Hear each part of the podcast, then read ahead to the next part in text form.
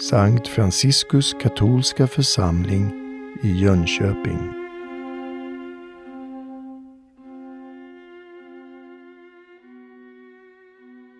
Det kanske verkar lite märkligt att vi i Guds ord ska läsa den här listan av en massa namn. Massa anonyma namn som vi egentligen inte har någon liksom, förbundenhet till, någon relation till. Och ändå är det ju så att varje människa bygger på så att säga vår historia. Det finns ingen människa som inte gör ett ingrepp i historien. Det är ungefär det vi får höra av Greta Thunbergs evangelium. För jag väntar just på om vi ska börja läsa det i kyrkorna också. Där får vi höra hur liksom var och en, vad den gör i livet, att det påverkar så att säga skapelsen. Men det här är lite mer än vad som handlar om skapelsen. Det handlar om människans historia. Och varje människa gör sitt, lägger till sitt, kan förändra så mycket. Ja, vi känner särskilt till och ryser över de stora skurkarna i historien. Stalin, Mao, Hitler etc. Allihopa de här. Och skurkar har vi än idag. De som vill förstöra, de som vill så att säga förleda.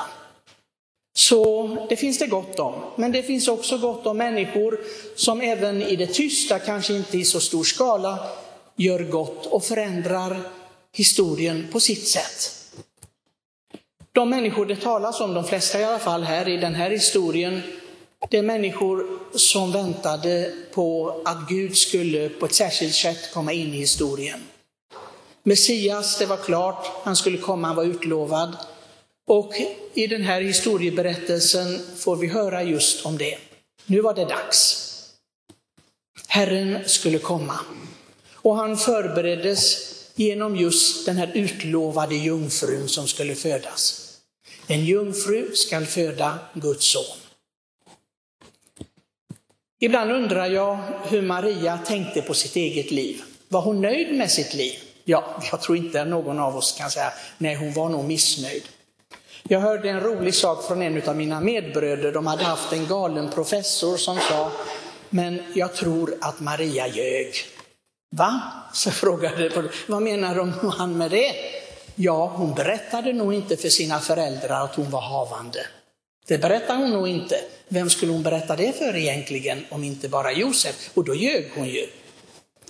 Jag tror nog inte att det gick till på det viset.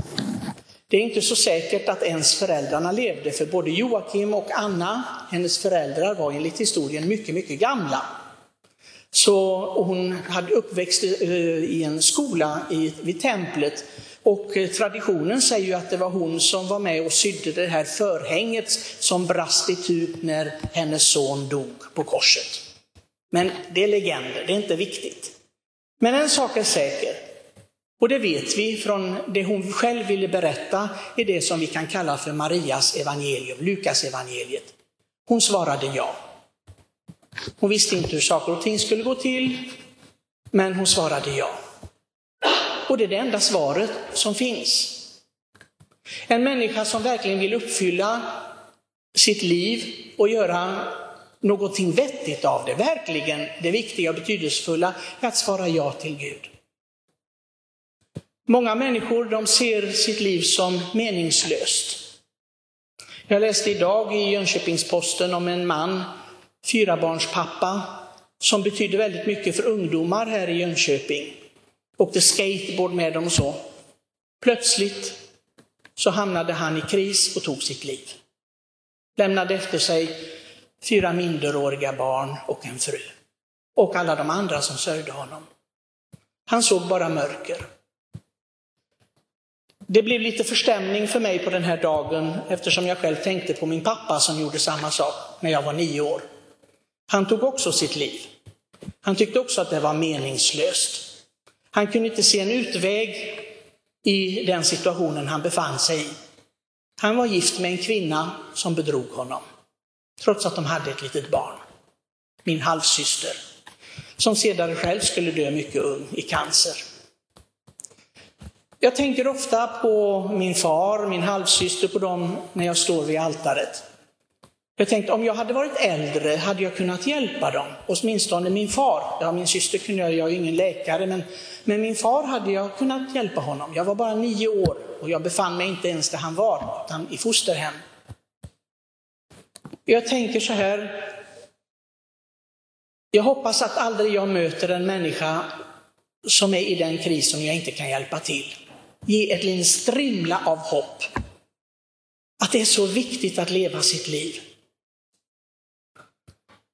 Jag ser på Maria hur hon eh, tar sig an den här uppgiften hon får i livet och försöker göra det bästa av det. Hon, hon har förtroende för Gud. Hon har ingen säkerhet i någonting, det har ingen av oss säkerhet. Alla liksom vill ha säkerhet i livet och så, det har vi inte. Även de som är gifta och så, de vet inte om maken eller makan kommer att leva vidare eller om de blir änklingar eller änkor, hur, hur det ska gå. Det vet ingen av oss. Vi hade inte förväntat oss heller att under coronaepidemin att, att åtta stycken av våra yngre präster skulle dö, när det finns sån prästbrist. Och man kan tänka då, vad menar Gud med det? Att under 50 år präst, dessa präster ur vår provins här, att de försvann. De kan inte hjälpa till längre. Ja, vad är det för mening med det? Och det är klart att vi, när vi tittar på livet, vi vill se, vi är vana vid att se resultat. Vi försöker ju med alla medel vi kan att bli så gamla som möjligt. Idag när man får höra att någon har dött vid 80 år, ja så ung, redan vid 80 år. För vi förväntar oss att alla ska bli hundraåringar. Med alla dessa vitaminpiller och jag vet inte vad det är, äta hälsoriktigt eh, och så. Alla ska, ska vi bli som Abraham och de här gamla gubbarna som det står om i Bibeln.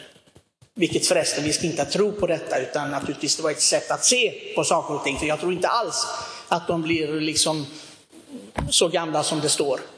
Men det var ett sätt att säga att de levde ett rikt liv. Vi måste förstå också liksom innebörden i den heliga skriften. De levde ett rikt liv och det är att vara gammal. Vi möter hela tiden människor som tycker det är meningslöst. De kanske inte säger det på ett sånt dramatiskt sätt, men vi ser suckarna, vi ser att liksom, ibland ser man tomheten i ögonen på vissa människor. Och säger, hur står det till? Ja, vi gör det vi ska dag för dag och så ja, man får hålla ut liksom och det går. Det går. Det är inget bra svar. Jag tänker på Maria när hon fick höra all den otacksamheten som hennes livsuppgift var att föda Messias. Och hon såg alla dessa människor runt omkring som var otacksamma och som såg på hennes son som en jultomte. Ja, hon visste väl inte om vad en jultomte var, för det fanns ju inte på den tiden. Men alla ville ha någonting, ville ha ut någonting av hennes son. Men ändå var de otacksamma. Jag undrar, hur kände hon över det? För det, det är ju det som man frågar idag. När vi öppnade kyrkan i Nässjö så kom en journalist och stack en mikrofon i munnen på mig och sa, hur känns det nu då? Att öppna den här kyrkan. Det, det är det alla frågar efter, hur känns det? Ibland jag tycker det känns ingenting. Man tänker liksom, nu har jag livsuppgiften här och, och jag, man bara önskar, låt mig få leva denna dagen till din ära Gud, att det ärar dig det jag gör. För då blir det inte misslyckat, för allt det vi gör med andra intentioner, det är misslyckat. Det är det. Och det är klart att då kan människor tycka att det är meningslöst. Men har man intentionen att leva dagen när man vaknar på morgonen tills man går och lägger sig på kvällen, att det ska vara till Guds ära. Då måste det bli bra hur det än är. Och Maria som då hörde dessa, bort med honom, korsfäst honom.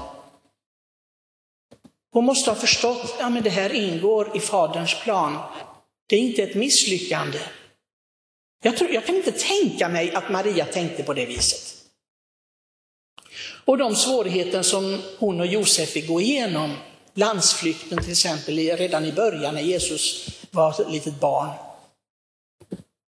Utan var någonting som livet var en gåva och det här skulle hon leva så, så som Gud ville att det skulle vara. En sån gåva, inte så som vi tänker oss. Vi är deformerade i vår tid med alla dessa lyckoprogram i tv, jag vet inte var, stjärnorna, sikta mot stjärnorna och bli, bli någonting, bli uppskattad, bli berömd, jag vet inte vad. Se till att, att du får ut någonting av livet, att du njuter av det och så. Det är det enda vi blir programmerade av idag. Överallt.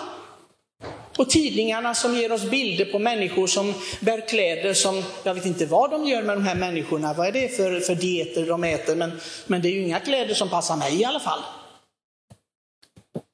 Det, det är liksom, jag vet att jag inte är någon liksom, normal människa i den så som tidningarna och, och, och massmedia vet. Är mitt liv misslyckat då? För det måste man ju tänka nästan, om, man, om inte mitt liv går in i de mallarna som de matar oss med.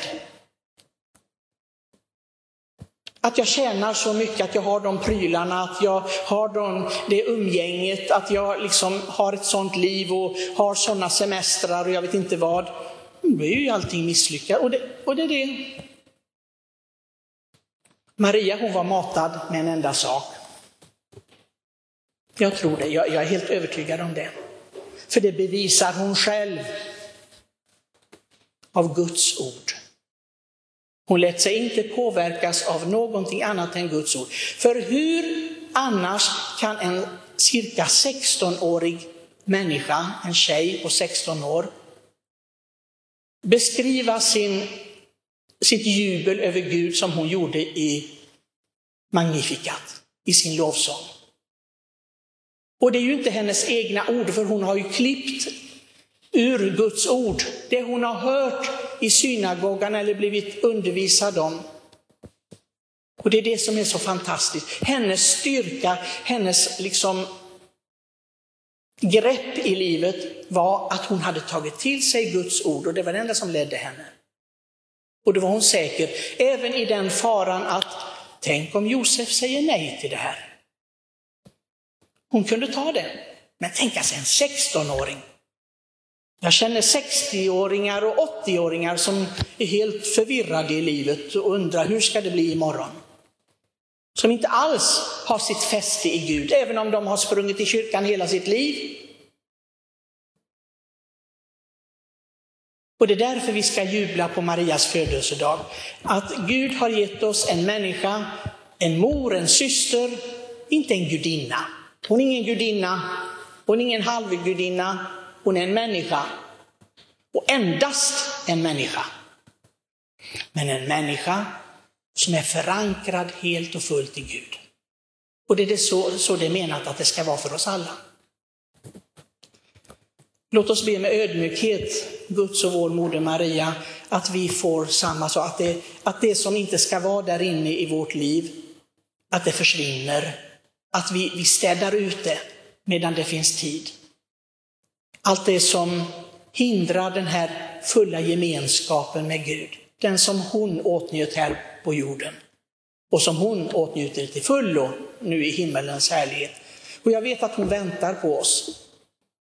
Hon ber för oss och hon väntar på oss att vi inte ska ge upp under den här vägen som vi har framför oss. Vi vet inte hur långt vi har kvar var och en, men vi har en liten etapp till.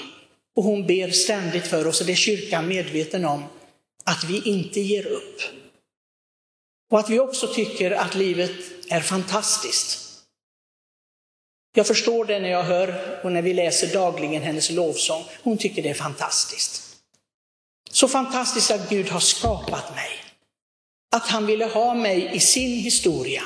Att han ville älska mig, att, att det är det det går ut på. Och det, och det kan varje människa säga, inte bara hon eller några, utan alla.